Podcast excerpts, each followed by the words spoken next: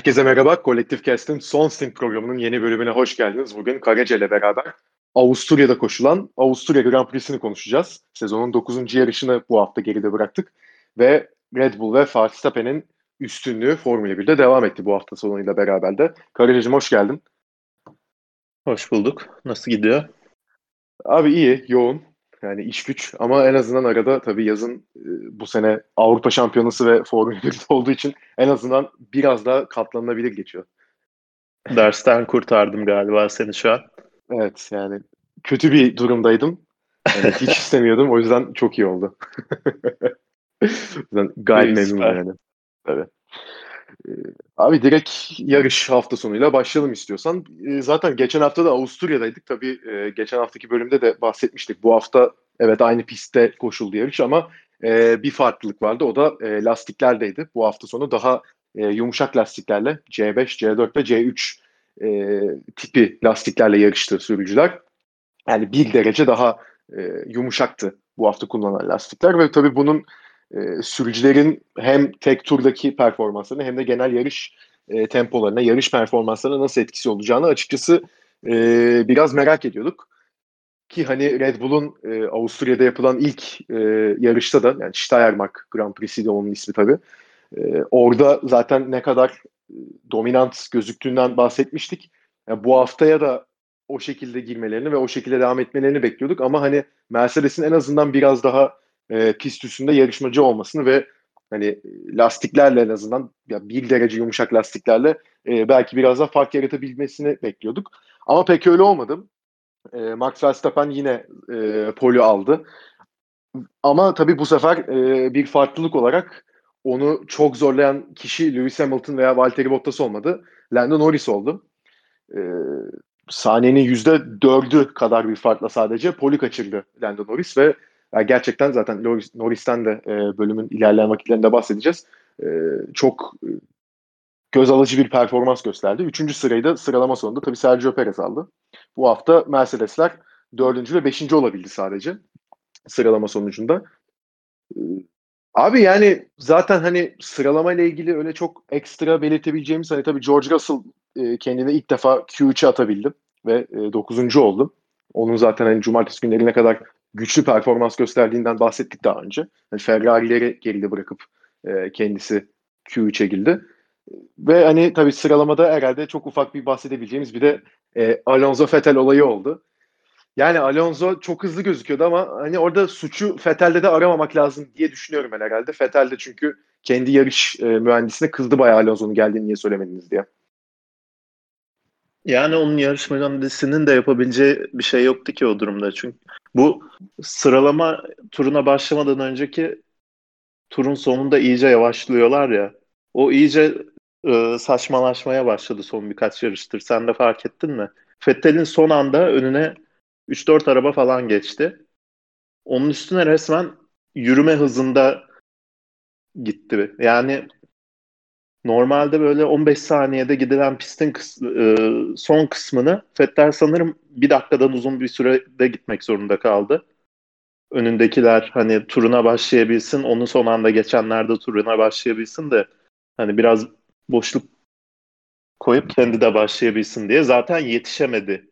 Evet. Yani, yani bir de turunu da atamadı. Evet. Aynen, Çok aynen kaot, öyle. kaotikti. Çok kaotikti Q2'nin sonu. Hepsi aynı yani, anda çıktı bir de onu da anlamadım ben.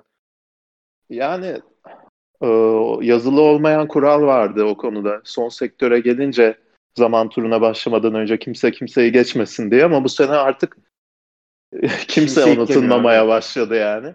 Hamilton bile yapıyor abi bunu artık. Hakikaten. Geçen hafta gördük bunu. Aynen. Ki Hamilton yani yardırdı bildiğim. Beş arabayı falan geçmişti. Hakikaten Sonra yani. onu yaptı diye e, şey lastik parçalarının olduğu e, artık lastik parçalarının olduğu kısımlarından geçti pistin ve tur zamanı çok kötüydü yani. Hiç, evet hakikaten kendi, kendi ayağına sıkmış olmuştu. ee, yani bilmiyorum. Fettel'i de suçlayamam. Alonso da e, e, Fettel'i suçlayamam. Mühendisin daha fazla, daha net söylemesi gerekiyor demiş ama mühendisi de ne yapabilir ki abi o durumda? Abi o sırada Fettel'in önünde de bu arada yani Ferrari araçları bekliyor ikisi arka arkaya ve onlar da hani durma noktasına kadar gelmişlerdi tekrar seyredince bugün fark ettim. Abi orada pek yapılabilecek bir şey yokmuş yani gördüğüm kadarıyla da. Hani Aynen öyle. tali, Bir de talihsizlik oldu. Evet, tur zamanı da bir dakika olduğu için Evet e, tabii. yani trafik çok şey oluyor, Evet. olası oluyor. En kısa pist abi. Yani. E, ya bilmiyorum o yazılı olmayan dediğim kuralı artık yazılı bir kural haline getirmek gerekebilir yani. Çünkü iyice Belki çığırından çıkmaya başladı bu konu. Evet abi hani O yapıyorsa ben de yaparım. O işte iki yarış Hı. önce yapmıştı ben de şimdi yaparım diye e, şey olmaya başladı yani. Cılkı çıkmaya Gerçekten. başladı olay. gerçekten bu kadar regülasyonun olduğu bir sporda hani bu e, sıralamadaki durumla alakalı herhangi bir şeyin söylenmemesi. Yani tabii ki farklı şeyler katıyor. O hani takımların sonuçta stratejisiyle de alakalı bir şey o aslında düşündüğümüzde de. Ha, belki hakikaten en azından hani belli bir hani son virajda birbirini geçme hani o hızlanma alanında özellikle hani start finish düzlüğüne girerken orayla ilgili bir şeyler düşünebilir belki. Onu Ross Brown muhtemelen düşünüyordur belki. Hani bu kadar sprint Muhtemelen yarışları falan hakkında düşünüyorsa bunun hakkında da düşünüyordur muhtemelen. Ya sorma ya. İşte onu haftaya konuşacağız zaten. Ee, şimdi tabii hani sıralamada Verstappen'in e, poli aldığından bahsettik. Bu, bu hafta tabii hani Red Bull ve Mercedes'ten zaten önümüzdeki geçen haftalarda daha doğrusu yeterince bahsetmiştik. O yüzden e, burayı biraz kısa keselim dedik. Çünkü hani zaten 5. yarış üst üste bir Red Bull galibiyeti ve arkadan e, istediği şekilde geçtim takip etme açısından yanına bile yaklaşamayan bir Mercedes olduğunu gördük. Hani bir tek Fransa'yı dışarıda bırakabiliriz bu, e, bu tartışmada ama hani orada da zaten çok farklı stratejiler vardı. Onunla geçtim. Perez bile hani dördüncülükten gelip Bottas'ı geçip e, podyum almıştı orada. Hani Red Bull'un bu e, güç gösterisi devam ediyor ve Verstappen de e, kariyerinde ilk defa 23 yaşında Grand Slam yapmış oldu. Bu tabiri bilmeyenler için de e, pole pozisyonunda yarışa başlamak, yarışı her tur önde götürmek yani birinci götürmek ve aynı zamanda da yarışın en hızlı turunu atmak. E, ve bunların hepsine e, imza attı Verstappen ve kariyerindeki ilk Grand Slam'ini yapmış oldu. Abi e, Grand Slam'in tabii hani ne kadar az bulunan bir şey olduğunu söylemek için hani şunu söylemek gerekiyor. Hani bu kadar yarış kazanan, tarihin en fazla yarış kazanan insanı Hamilton. 7 şampiyonluğu olan Hamilton. E, bunu kariyerinde sadece 6 defa yapabilmiş. Sonuncusu da 2019'da Abu Dhabi'de gelmiş. Ve Verstappen de bunu yapan en genç kişi oldu. Yani ondan e, önce en genç yapan kişi yanlış hatırlamıyorsam Vettel'di ve 25 yaşında yapmış bunu. Yani yaptığı şeyin evet altındaki araba bu sene çok güçlü en iyi araba olarak gözüküyor ama ha, yaptığı şeyin ne kadar özel olduğunu da burada herhalde hakkını teslim etmek gerekiyor.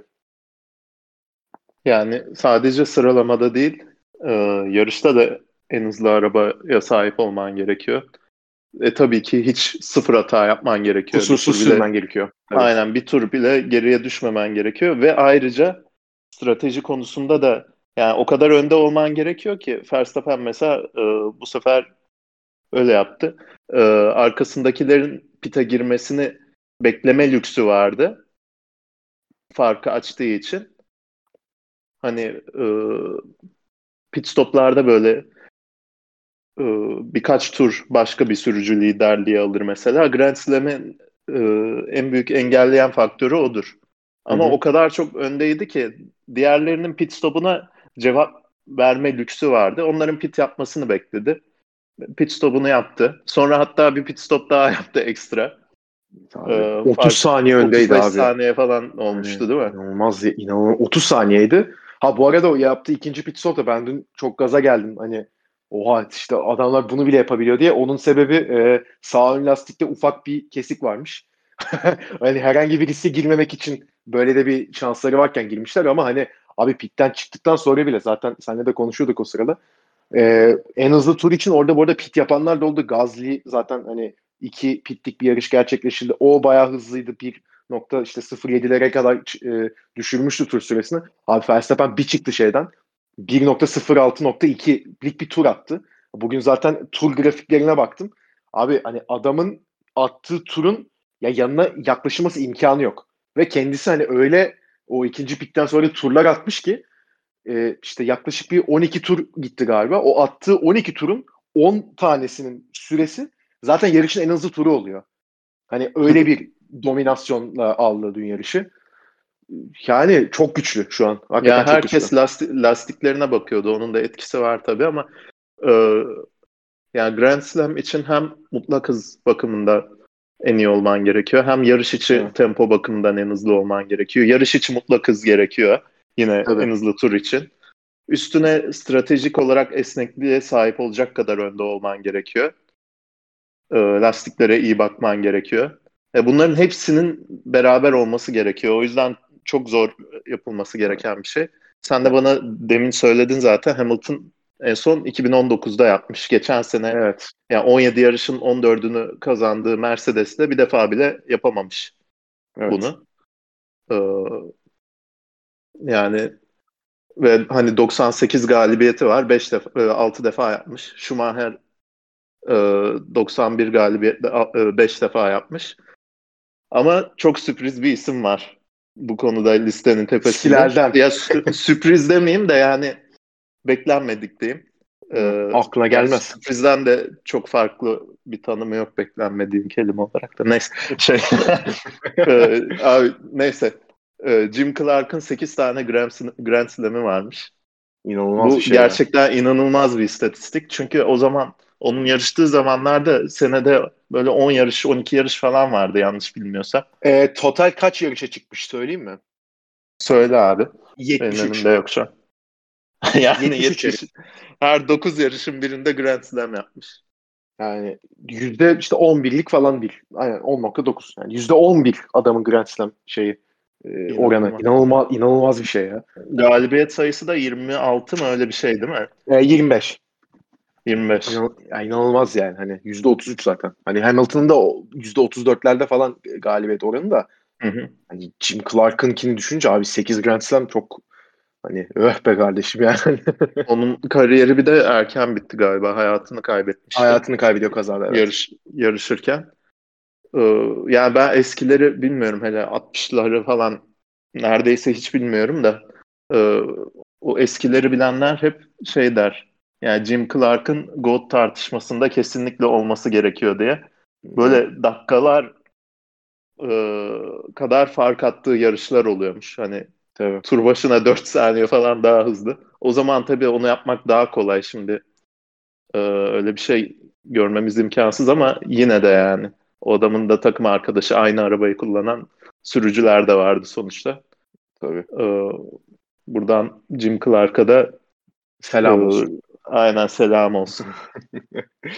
ee, tabii bu Verstappen Grand Slam yani yarış galibiyetinde hani en baştan konuşalım dedik. Çünkü hani yarışta biraz daha e, farklı konular çıktı önümüze. Şimdi tabii yarışın başlangıcında demin de sıralama sonuçlarında söylediğim gibi Verstappen e, birinci, Norris 2, Perez 3, Hamilton 4 ve e, Bottas da 5 şeklinde başlandı. Ve hani ilk turda zaten e, ön sıralarda Verstappen direkt arayı açtı. Hani Norris'ten bir atak ben açıkçası bekliyordum ama hiç şans bile vermedi Verstappen ona. Zaten direkt hani e, ilk turda safety car girene kadar 1.2 saniye mi 1.4 saniye mi önündeydi Norris'in. Hani saçma sapan bir hız vardı zaten dün Verstappen'in ki McLaren'in e, düzlüklerdeki hızını e, zaten Lando Norris konuşurken bahsederiz ondan tekrar da. E, bu ilk 5 sıranın tabii yerini koruduğunu gördük ama e, arkalarda tabii Ocon e, felaket gitmeye devam ediyor. Hani bu yarışta da çok kötü bir yani Q1'li elendi zaten. Ama 17. başladı ve e, daha ilk turun ortalarında e, bir kazaya karıştı kendisi ve e, yani tabii şanssızlık orada pek yapabilecek bir şey yok. Hani Giovinazzi ile bir temas sonucunda sağ ön süspansiyonunu kırıp yarış dışı kaldı ve direkt e, bir güvenlik aracı gördük. Şimdi güvenlik aracı tabii e, pistte çok kalmadı işte. Dördüncü turda çıktı güvenlik aracı ama e, pistten tekrar çıkınca tabii Verstappen yarışı tekrar başlatınca e, Perez'in Norris'in bir anlık da olsa önüne geçtiğini gördük. Sonrasında ama yan, yani onu tam tabii onun hakkında bir şey söylenmedi. E, sen çok ufak sorayım hani orada Perez önüne geçtikten sonra dışarıdan taştığı için sanırım galiba yerini geri verdi Norris'e değil mi? Yoksa Norris mi geçti orada? Ben mesela çok anlayamadım. Orada bence Norris geçti ya. Ya düzlükte ya, daha avantajlı, daha iyi sonuçta o, Olay ya Perez çünkü full dışarıdan gelip ilk biraz sonrası öne geçtiği için belki de yerini vermiştir. Onu da bilmiyorum ama Norris de geçmiş olabilir tabii. Olabilir. Ama, vermesi gerekebilirdi ama yani, yani de sonraki viraja içerideydi Norris. O yüzden hani gazdan ayağını çekmesine bile gerek kalmadı muhtemelen Perez'in belki, o durumda. Belki de. O konuda bir şey diyemiyorum ama e, tabii burada e, dördüncü virajda şimdi Perez çok agresif başladı yarışa ve hani e, hemen o ikinciliği alıp Max'le beraber önden 1-2 şeklinde arayı açıp işte 1-2 bitirme e, planları vardı herhalde anladığım kadarıyla. Çünkü hani Norris'i yarış temposunda Perez'in geçmesi yani geçebilir tabii ki ama sanki baştan bu işi halledip ondan sonra arkasında kalıp zaman kaybetmek istemiyordu Perez. Çünkü arkasında da sonuçta iki tane Mercedes var ve Hamilton e, bu öndeki hani Norris Perez kapışmasından zaten yakından takip ediyordu direkt. Ve o düzlük virajda... performansının farkındaydı bence Red Bull o yüzden. Muhtemelen. O sözünü kestim pardon da. Yok sıkıntı değil. Yani sıralama sonrasında çok büyük ihtimalle farkındalardı. Ee, ve bu yüzden de hani erken yani olabilecek en erken şekilde Norris'i ekart edip kendi yarışına bakmak istiyorlardı belki de ama dördüncü virajda Perez e, dışarıdan gelerek bir hamle yapmaya çalıştı ve e, kum havuzuna yani çakıl havuzuna çıktı ve bu yüzden de 10. sıraya kadar düştü.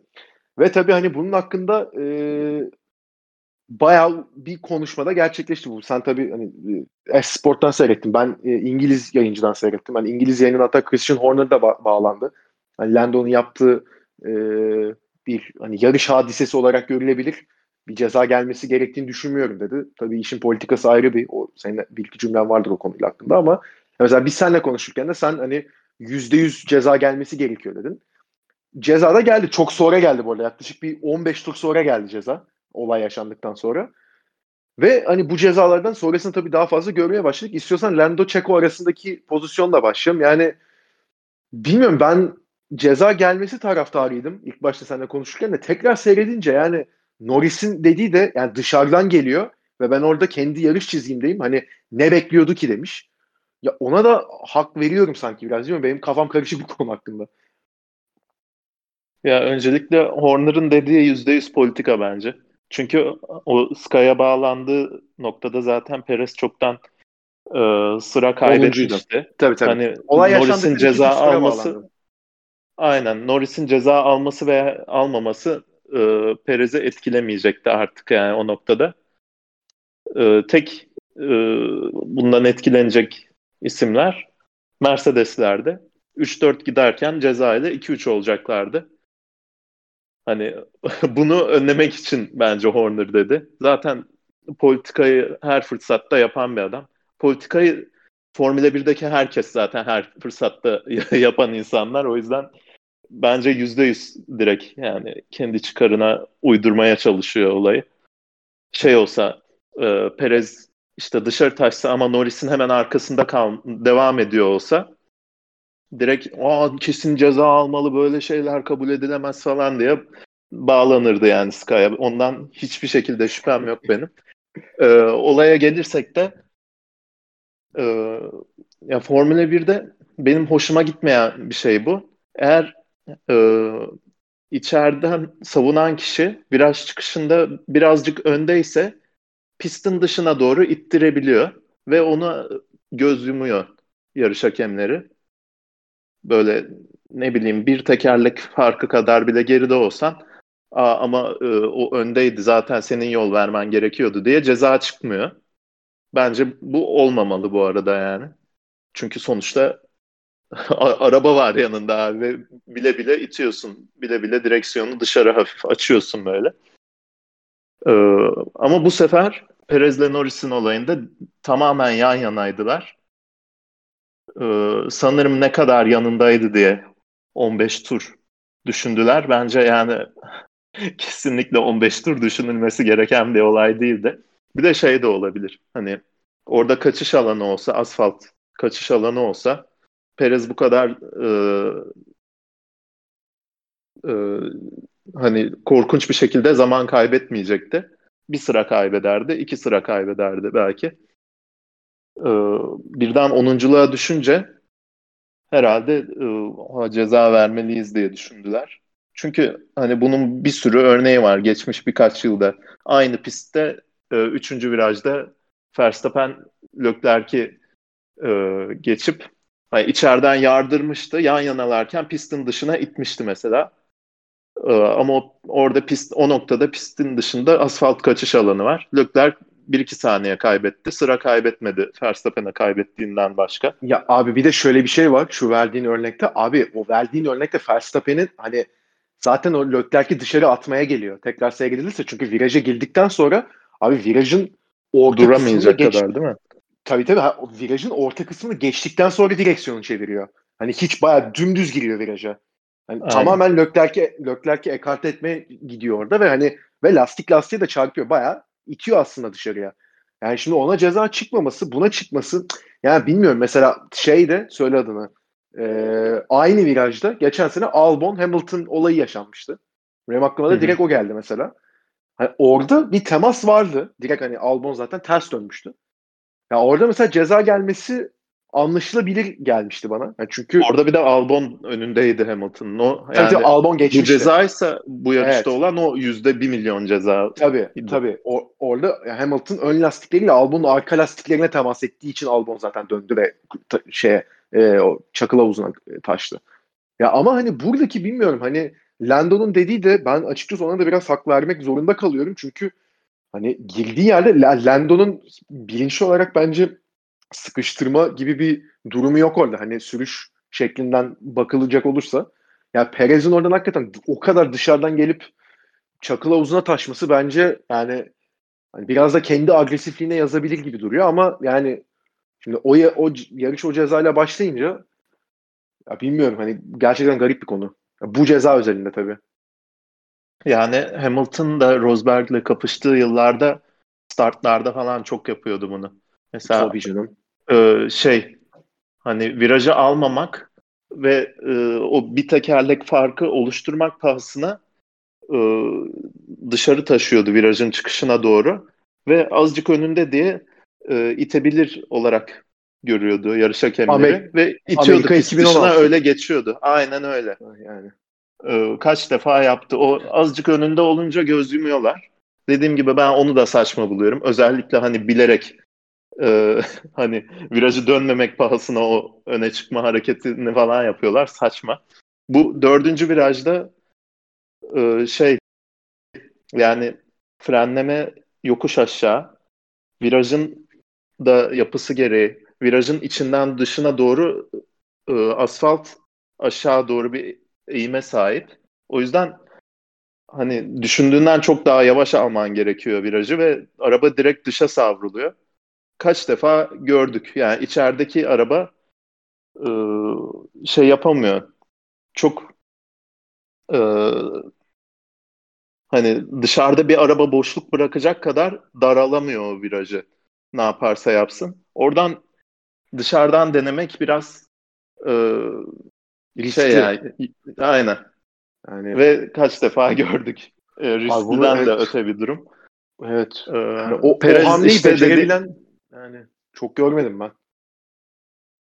Ya viraj çıkışında artık tamamen önünde olman gerekiyor ya Tabii. da frenlemede artık.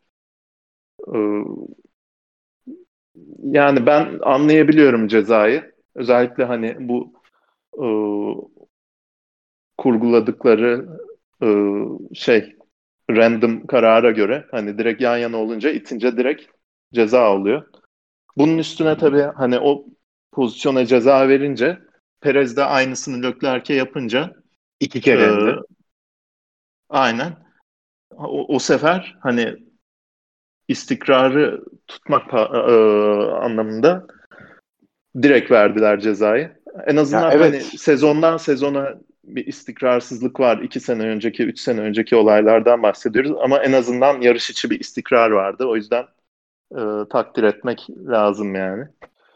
Perez'in yani, Leclerc'le iki olayında da bu arada yine tamamen yan yanalar. Ee, hani Ve ikisinde olay... de Leclerc dışarıdan geliyor. Hani zaten dördüncü evet. yani ilk olay tıpatıp aynısı. Lando ve Checo arasında olanın. Ha, tıpatıp Aynen. aynısı.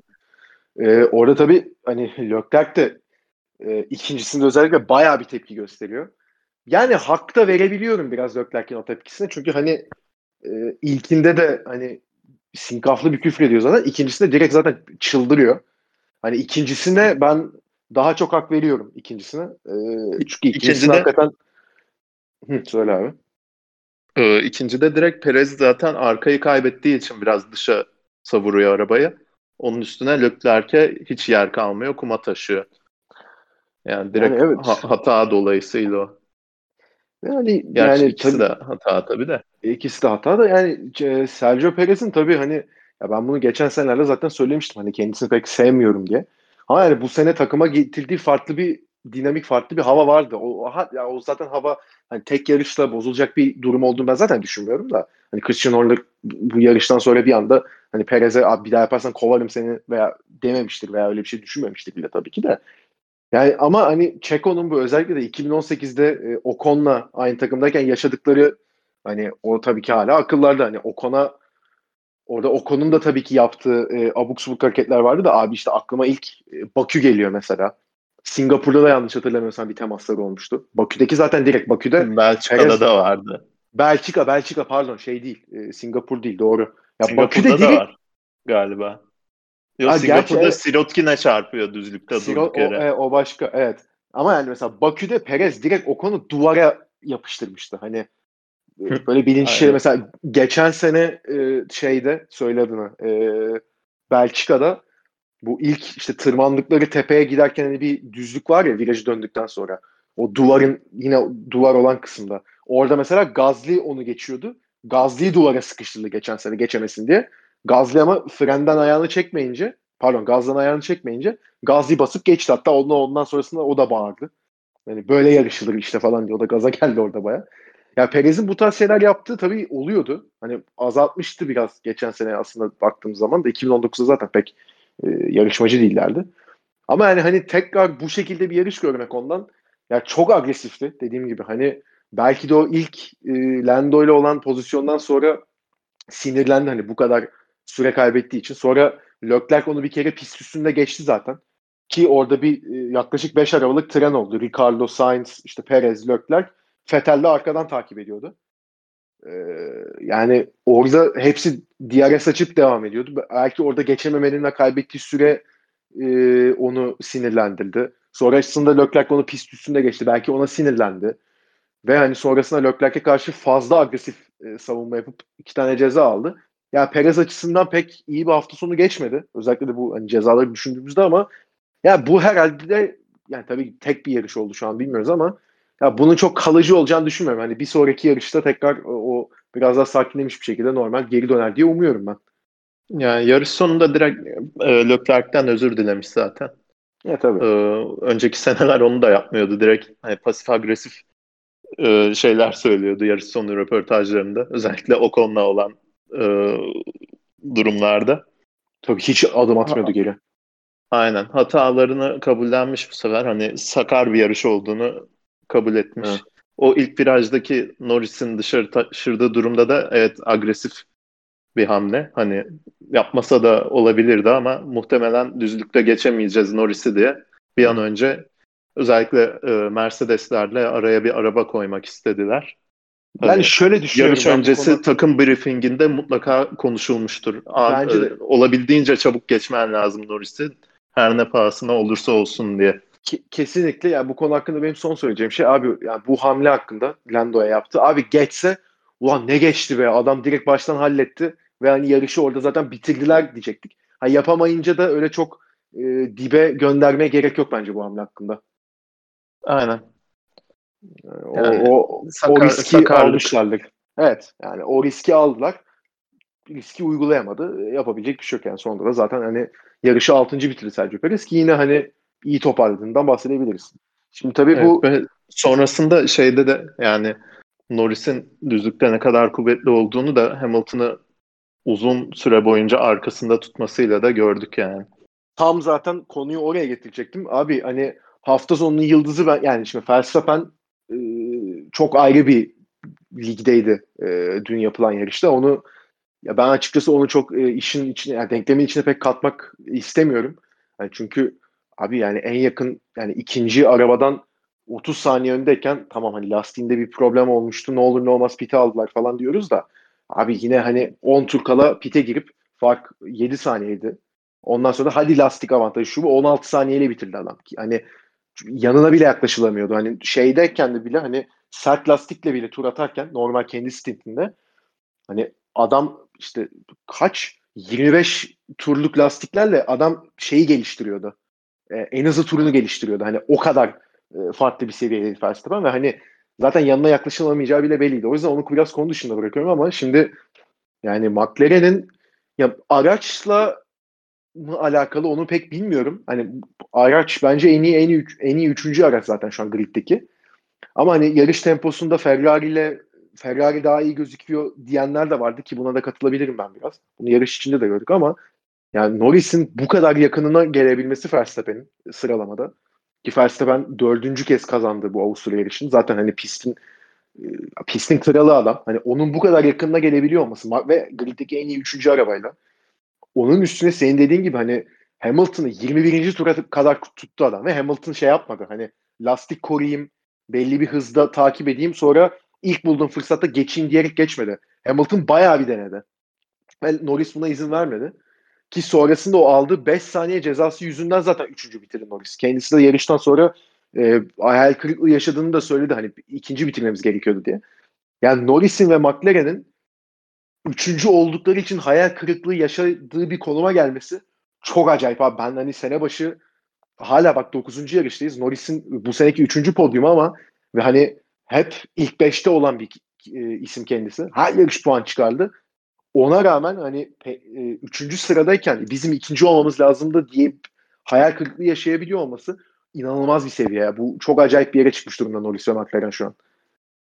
Yani biraz algıda seçicilik yapıyor bence ikinci bitirebilirdim diye. O Perez'le e, Perez'i dışarı taşırmasa Perez geçecekti yine üçüncü bitirecekti muhtemelen. Sen ee, yani ikinci ikincilik de garanti değildi bence. Ee, ama abi yani Mercedeslerden fark yemedi. Yani ben anlamıyorum. Yani Ricardo da bu kadar zorlanıyor. Çok çok büyük muamma benim için. Üçüncü podyumunu aldı. Yani dokuz yarış koşuldu.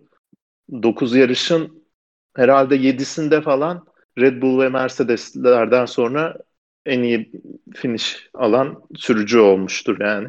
Norris 9 yarış yarışta ilk 5'te. Hepsi evet, de ilk 5'te yok, Bir yarışta 8. bitirdi İspanya'da. Ha pardon. Onun dışında pardon, hep doğru, ilk 5'te bitirmiş. Doğru. Evet.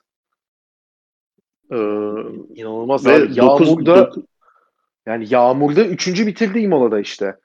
Hı hı. Hani orada çok iyi sürdü. E abi şeyde söyle adını. E, burada hani daha hız gerektiren, düzlük hızı gerektiren yerde Mercedes'leri e, tutabilmişsin. Mercedes'i hadi Hamilton sorun yaşadı, geçebilmişsin falan ama hani ya tam araba mutlaka belli geliştirmeler yapıyor da ya bence Norris arabadan daha hızlı gelişiyor şu an. Arabanın üstünde şu an Norris. Bence de öyle. Yani belki biraz abartı olacak şu an bu söylediğim hani recency bias olacak ama e, hani Verstappen ve takım arkadaşlarının çok ayrı iki seviyede olduğunu görüyoruz ya birkaç senedir. Evet. Yani bu sezon Norris ve Ricardo'da da öyle bir fark gözükmeye Kesinlikle. başladı. Yo bu recency bias olarak ben bunu düşünmüyorum hiç. Yani domine ediyor şu an. Son 3-4 yarışta tabii sezona biraz daha yakın girmişlerdi ama yani şu an e, yanına yaklaştırmıyor Daniel'i. 9 yarışta da 9 e, yarışta da geçen sene aldığı puan toplamını geçmiş bu arada. Her yarış yani. puan alan tek sürücü şu an. Abi çok acayip ya. Yani hem hız e, hem sadece 3. sezonunda olan bir sürücü için inanılmaz istikrar gösteriyor. Hani pole pozisyonuna koyuyordu arabayı neredeyse. Evet abi ee, çok yakınındaydı ya. Stopta 5 saniye bekledi işte. Bottas'a geçildi e, o ceza yüzünden. Cezadan sonra sanırım 3,5 saniye gerisindeydi Bottas'ın. Hadi bu Hamilton sorun yaşadı diye Bottas zaman kaybetti falan. O noktaya kadar e, sıfır zaman kaybetti yani. Evet. Bottas da Norris de temiz havada giderken hani trafik yokken önlerinde sorunsuz arabaya sahip Bottas'tan e, hiç geriye düşmedi. Bu evet. inanılmaz yavaş bir şey yavaş, benim için. Yavaş yavaş süreyi de kapıyordu bu arada. Evet yani, doğru. Yetişir miydi onu bilmiyoruz tabii ki ama yani en son artık böyle 1.8 saniye falan gelmişti Norris.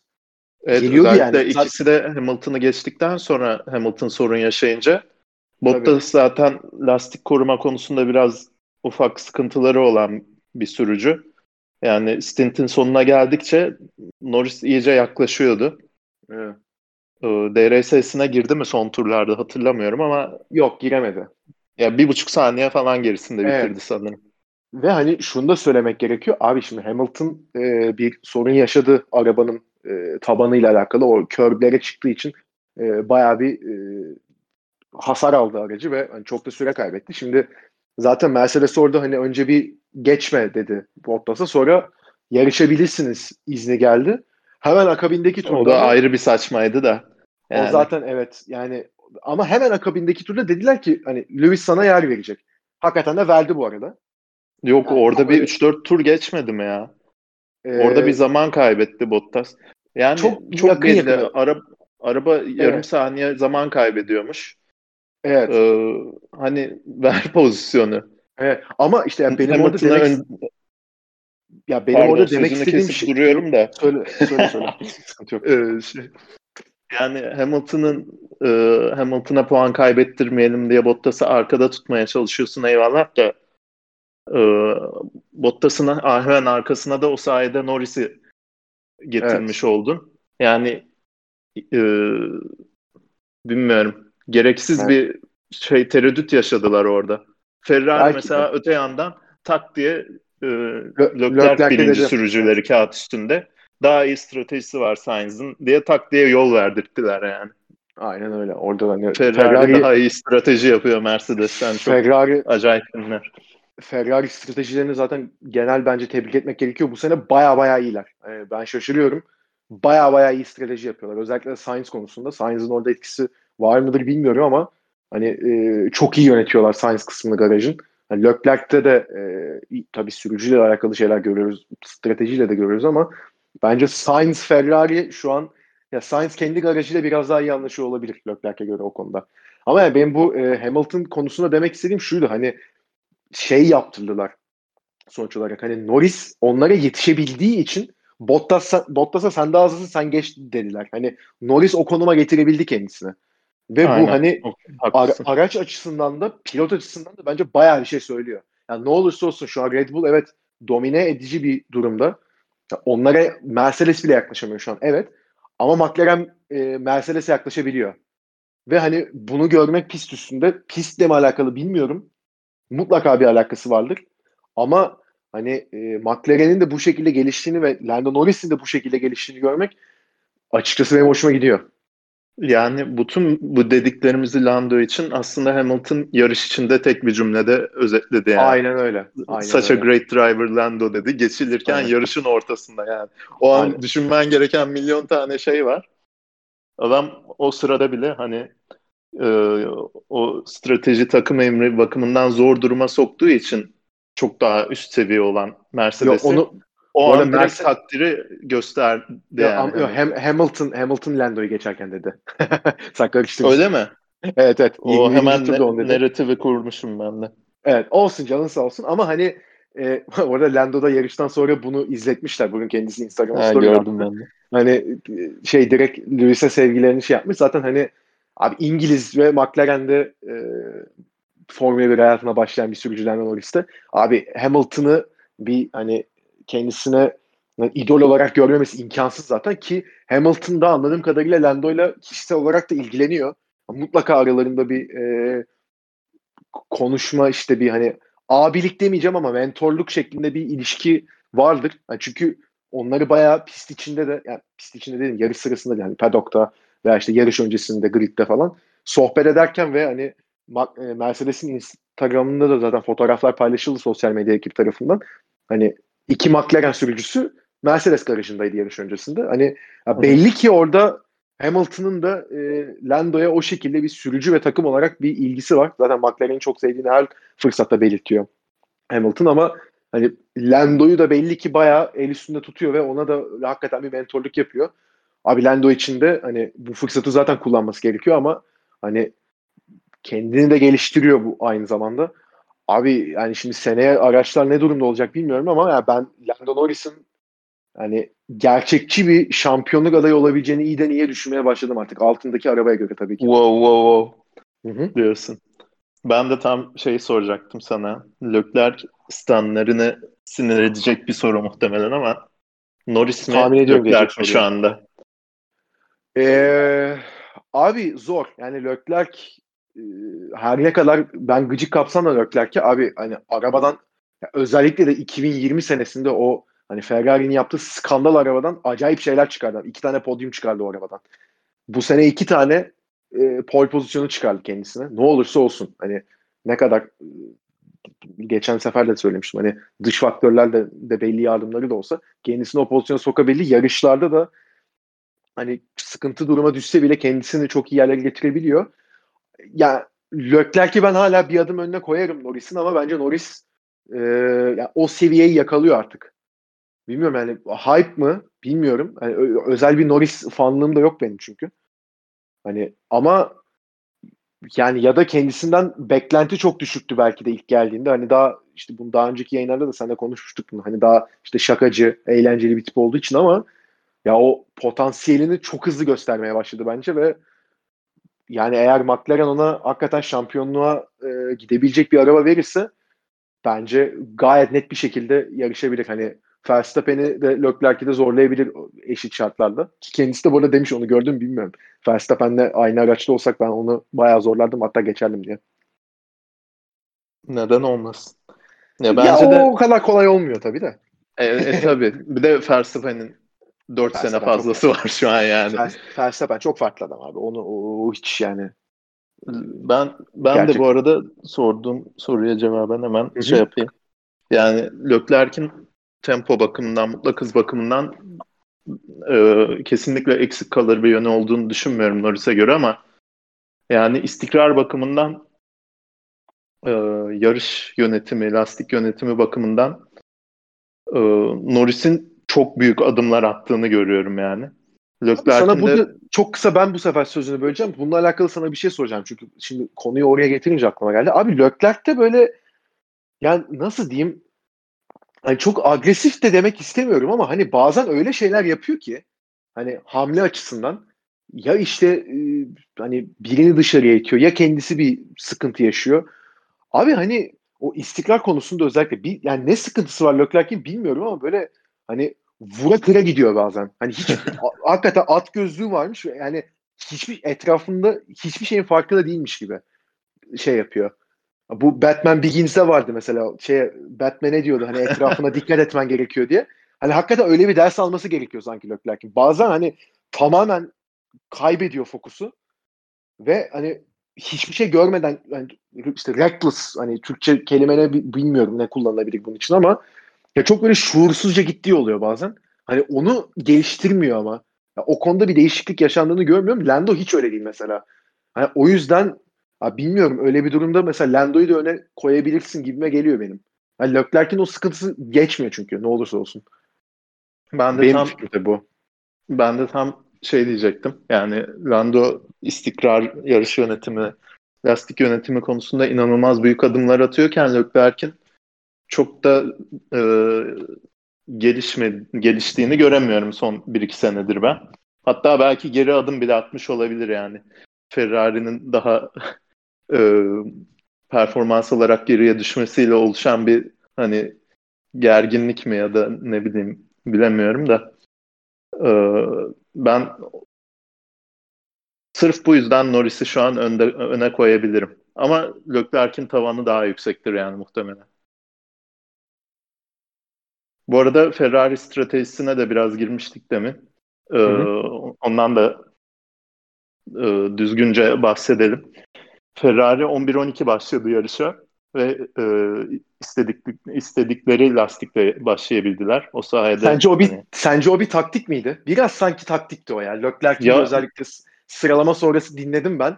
Yani tabii ki hayal kırıklığı yaşıyoruz ama istediğimiz lastikle yarışa başlayabileceğiz dedi. Bence de kesinlikle memnunlardı bundan. Evet. Ya bu sene e, çok ya oldu e, olmadığından daha çok olduğunu gördük. 11-12 başlayanlar 9-10 başlayanlardan daha iyi bir yarış çıkarıyor. Hakikaten Özellikle ya. bir de bu hafta sonu geçen haftaya göre e, bir set daha yumuşaktı ya lastikler. Hı hı. O yüzden e, yumuşak lastikle başlayanlar e, çok zorluk yaşadı strateji bakımından.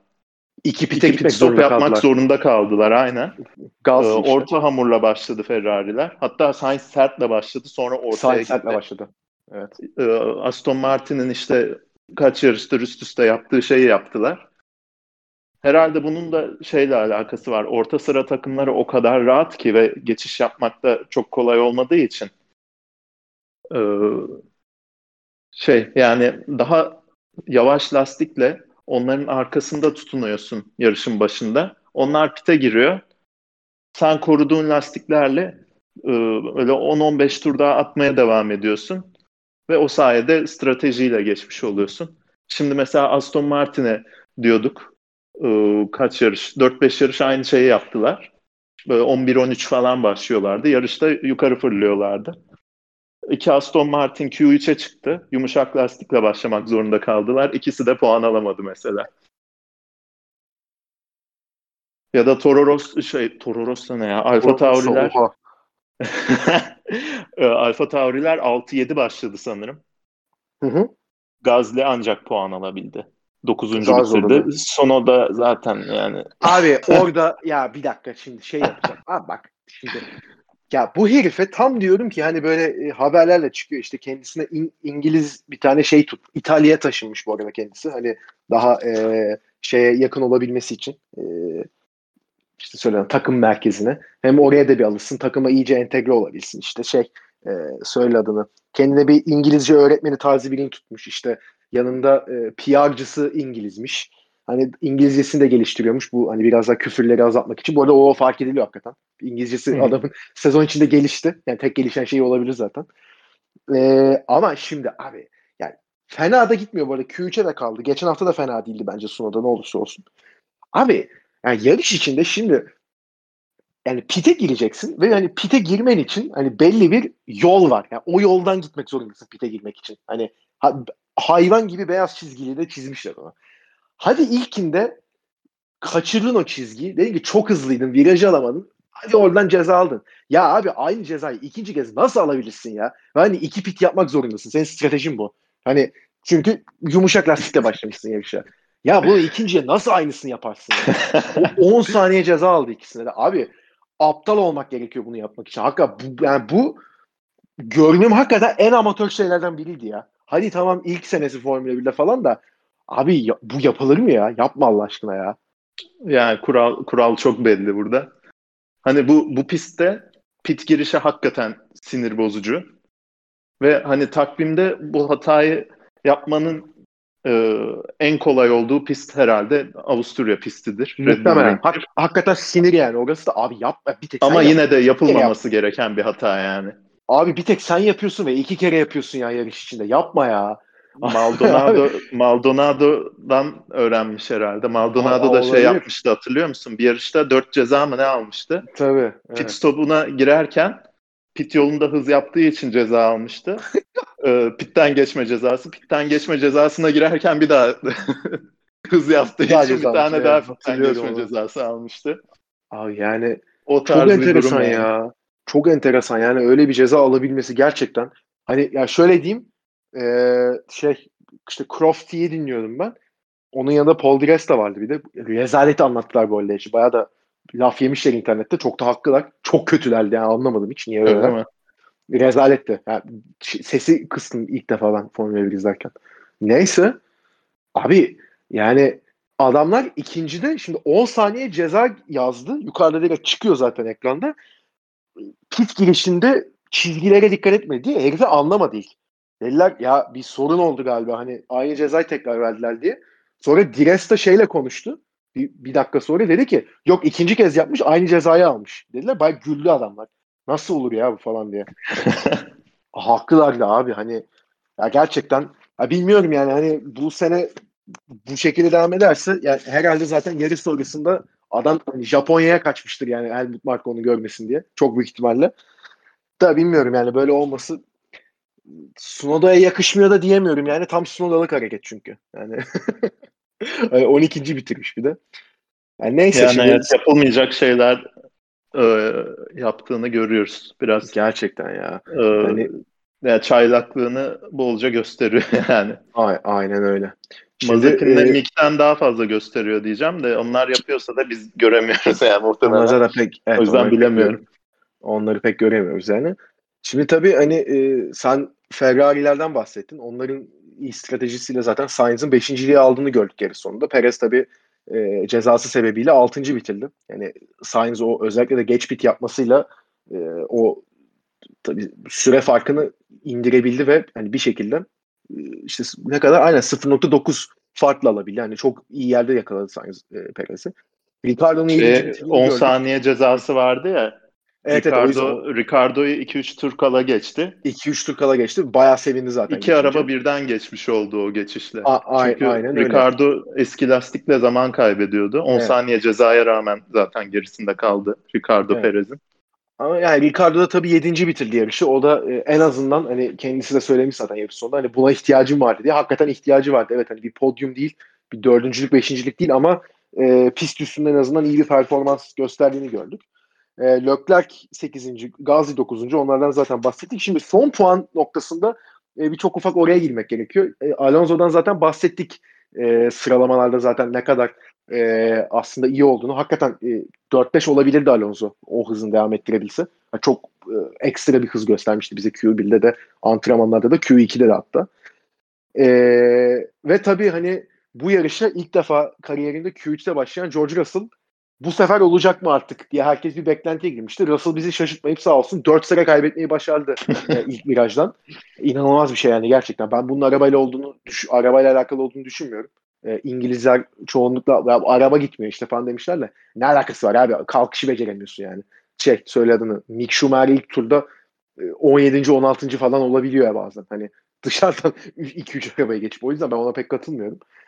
Ama yani e, yarışın sonlarında artık bir 10'unculuğa tutunduğunu gördük biz George Russell'ın. Bayağı uzun bir sürede 10. gitti. E, ama Alonso yakaladı. Çok da güzel açıkçası. Yani benim uzun zamandır gördüğüm en iyi pist üstü mücadelelerinden biriydi. Yani yarışta e, pist üstü mücadele dolayısıyla 3 tane ayrı ceza çıktığını gördük biz. e, ama buna rağmen hakikaten çok temiz yarıştılar. Russell bence ya, elinden geleni en fazlasını yaptı. Hatta daha fazlasını yaptı belki de. Çok çok iyi savundu Russell. Hiçbir orada e, kendisine laf edemem. Alonso da ama abi o da Alonso yani. E, o da çok çok iyi takip etti ve hani en sonunda e, hani zamanında geldiğini anlayıp o da güzel bir hamleyle Russell'ı geçip son puanı almış oldu.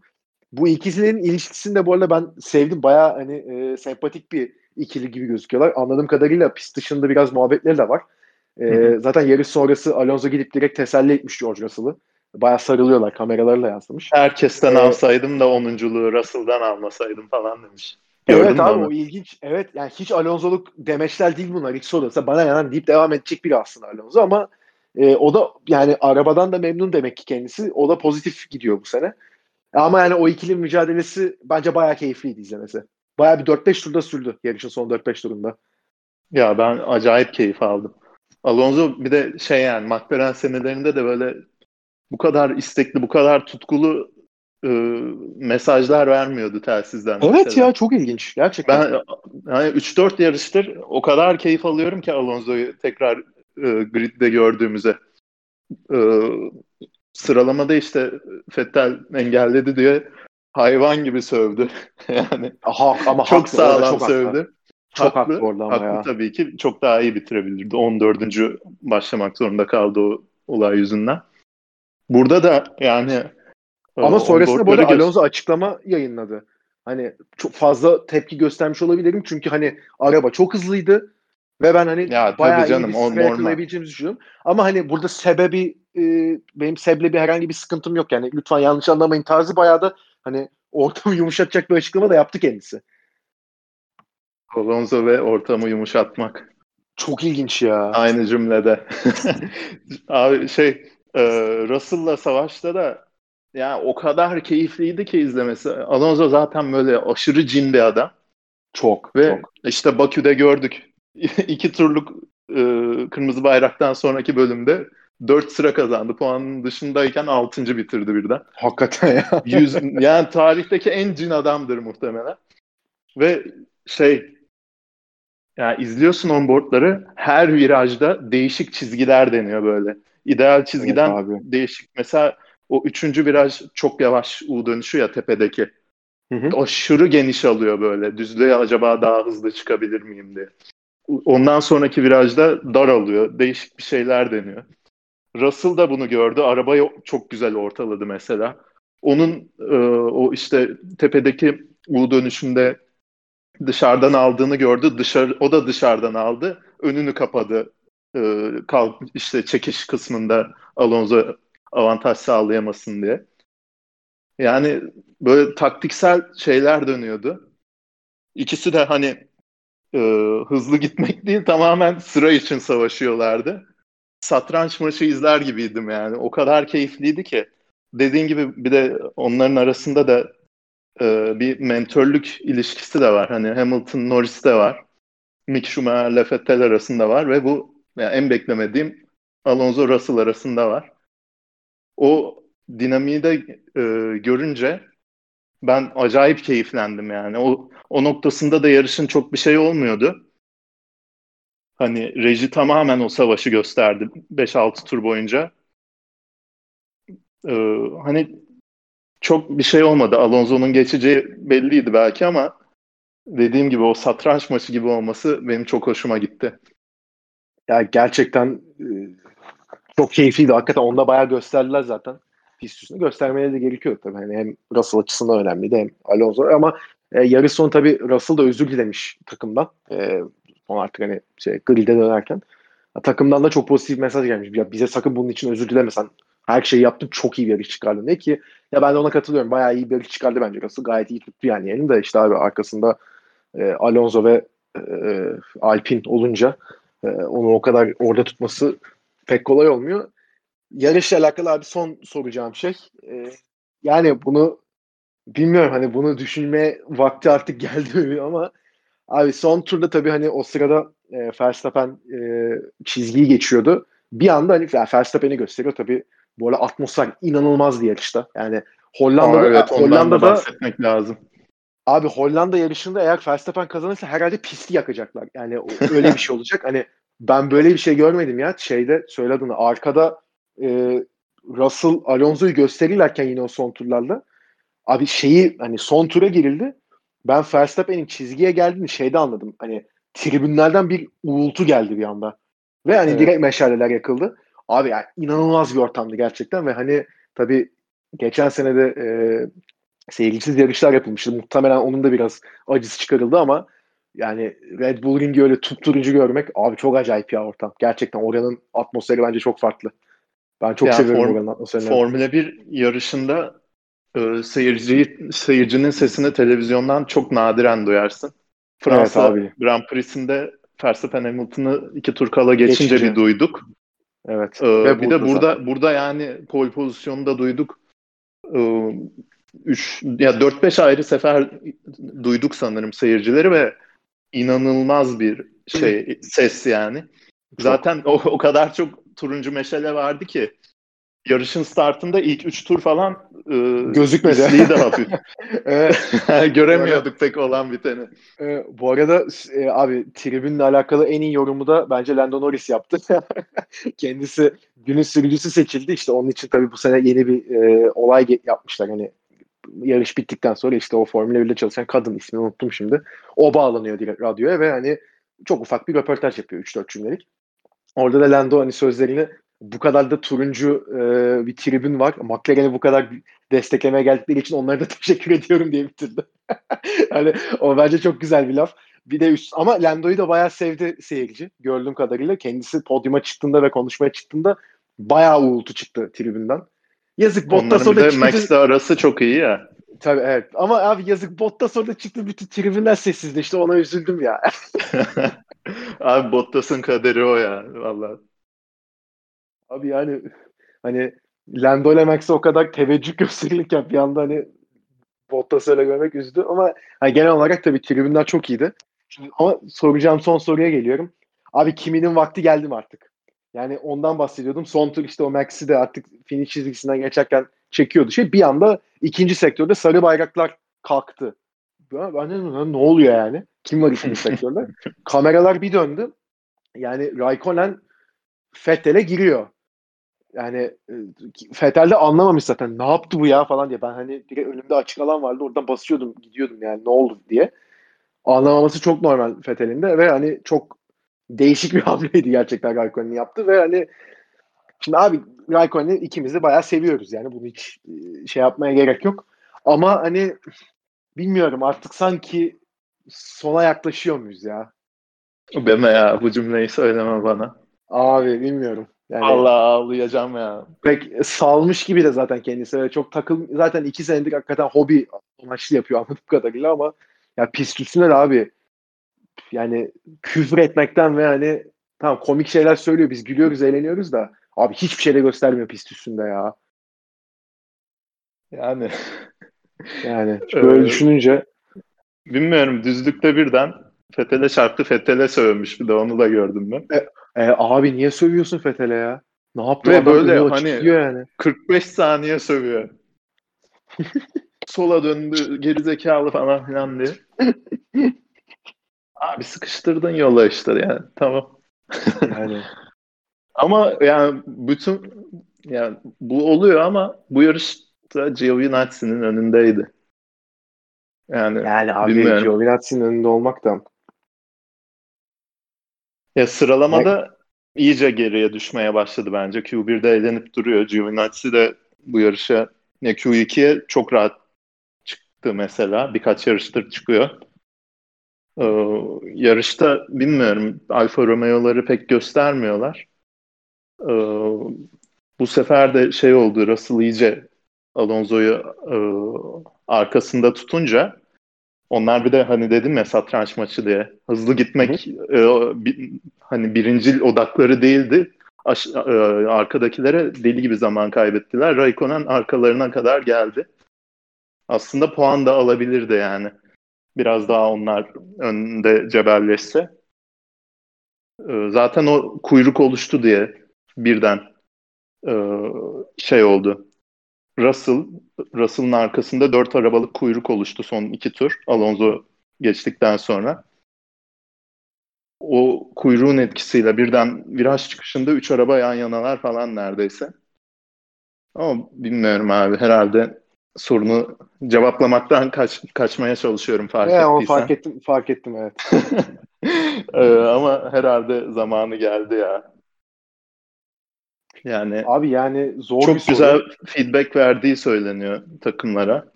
Senelerdir abi, bu söylenen bir şey. Arabayı geliştirme konusunda inanılmaz bir adam diye.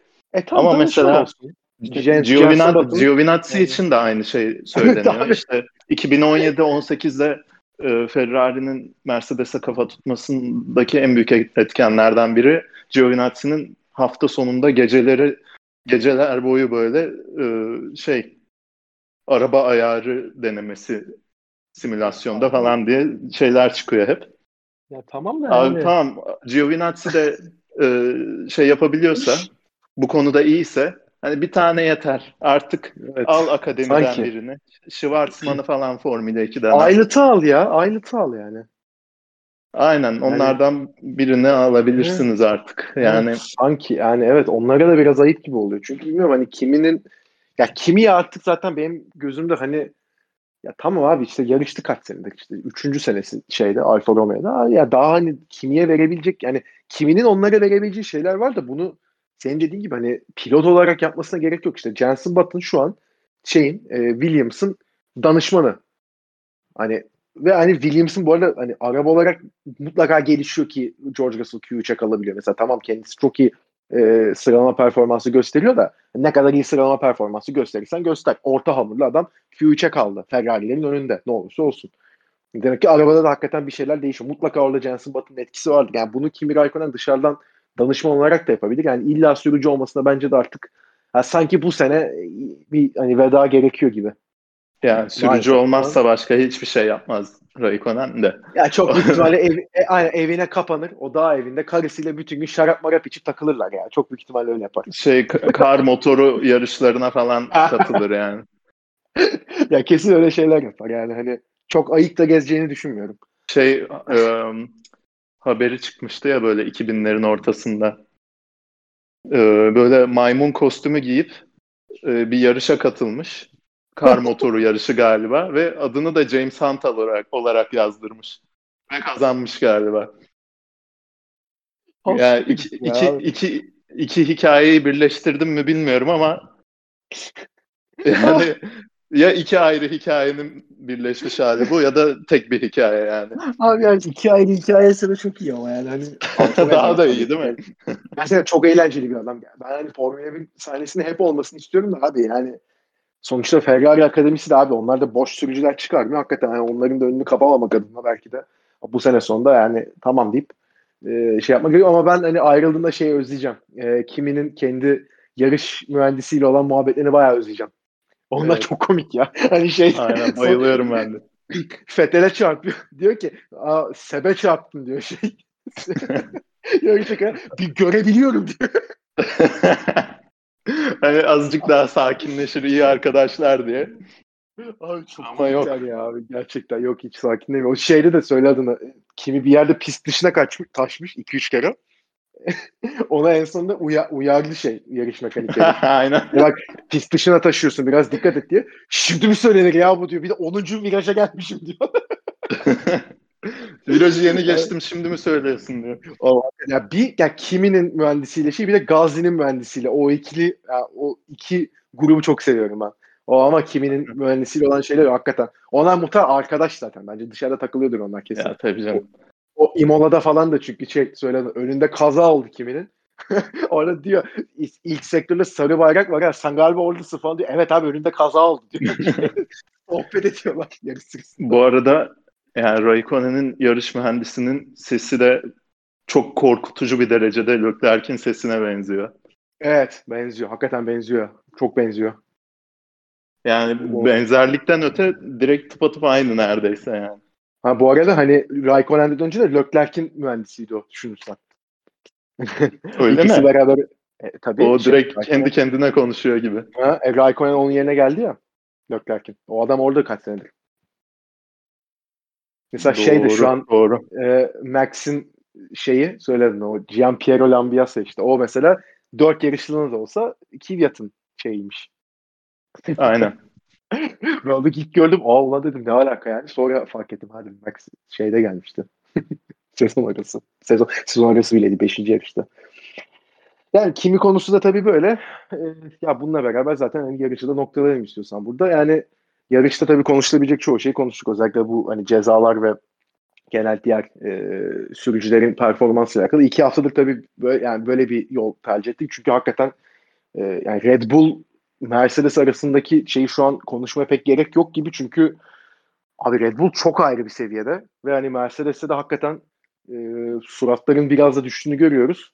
Şimdi önümüzde tabii çok daha farklı bir hafta sonu var. E, ilk defa denenecek Formula 1'de İngiltere'de e, 16-18 Temmuz hafta sonunda e, bir sprint sıralama yarışı göreceğiz.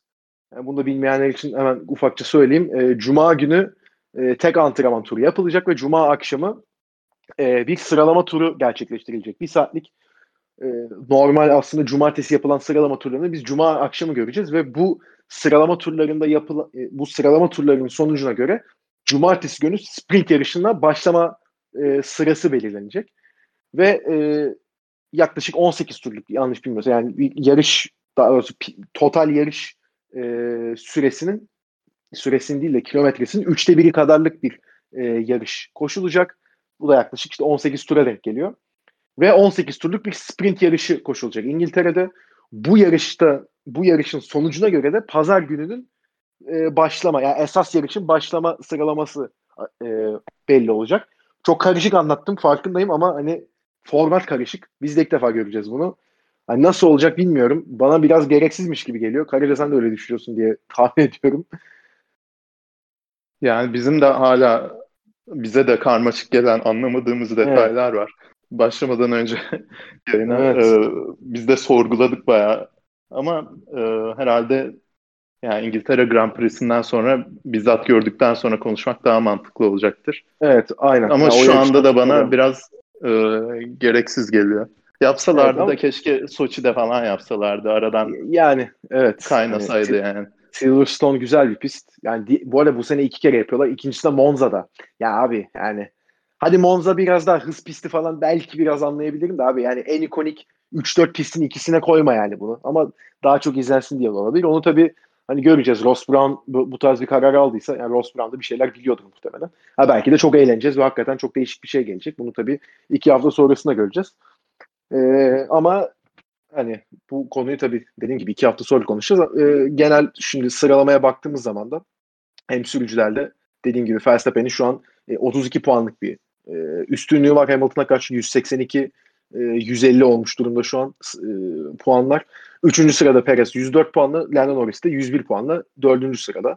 Lando Norris de hala o üçüncülük, dördüncülük e, kısmında kendisi bulunmaya devam ediyor. Val- Valtteri Bottas'ın önünde şu an kendisi. Çok da takdir etmek gerekiyor.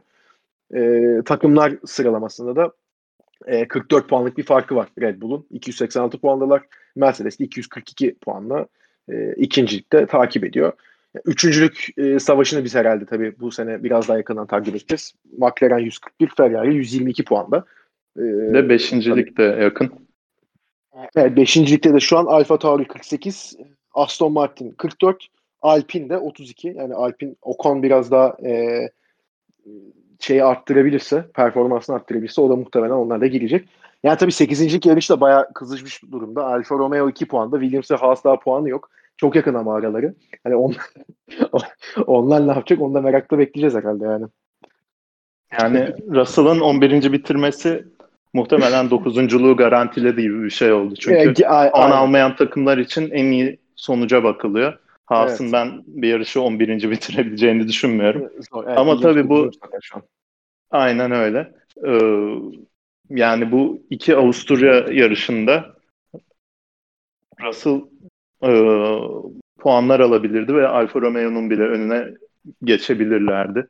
Gerçekten. Ee, hani dokuzunculuğu sağlama aldılar gibi ama sekizinciliği e, de biraz tepmiş oldular bu iki yarışta evet. fırsatları varken. Tabii, tabii belki başka fırsatlarla gelecek e, ayaklarına ve hani belki o zaman Russell değerlendirebilecek onu. Yani Latifi'den pek açıkçası umudum yok yalan olmasın ama onu tabii önümüzdeki yarışlarda göreceğiz.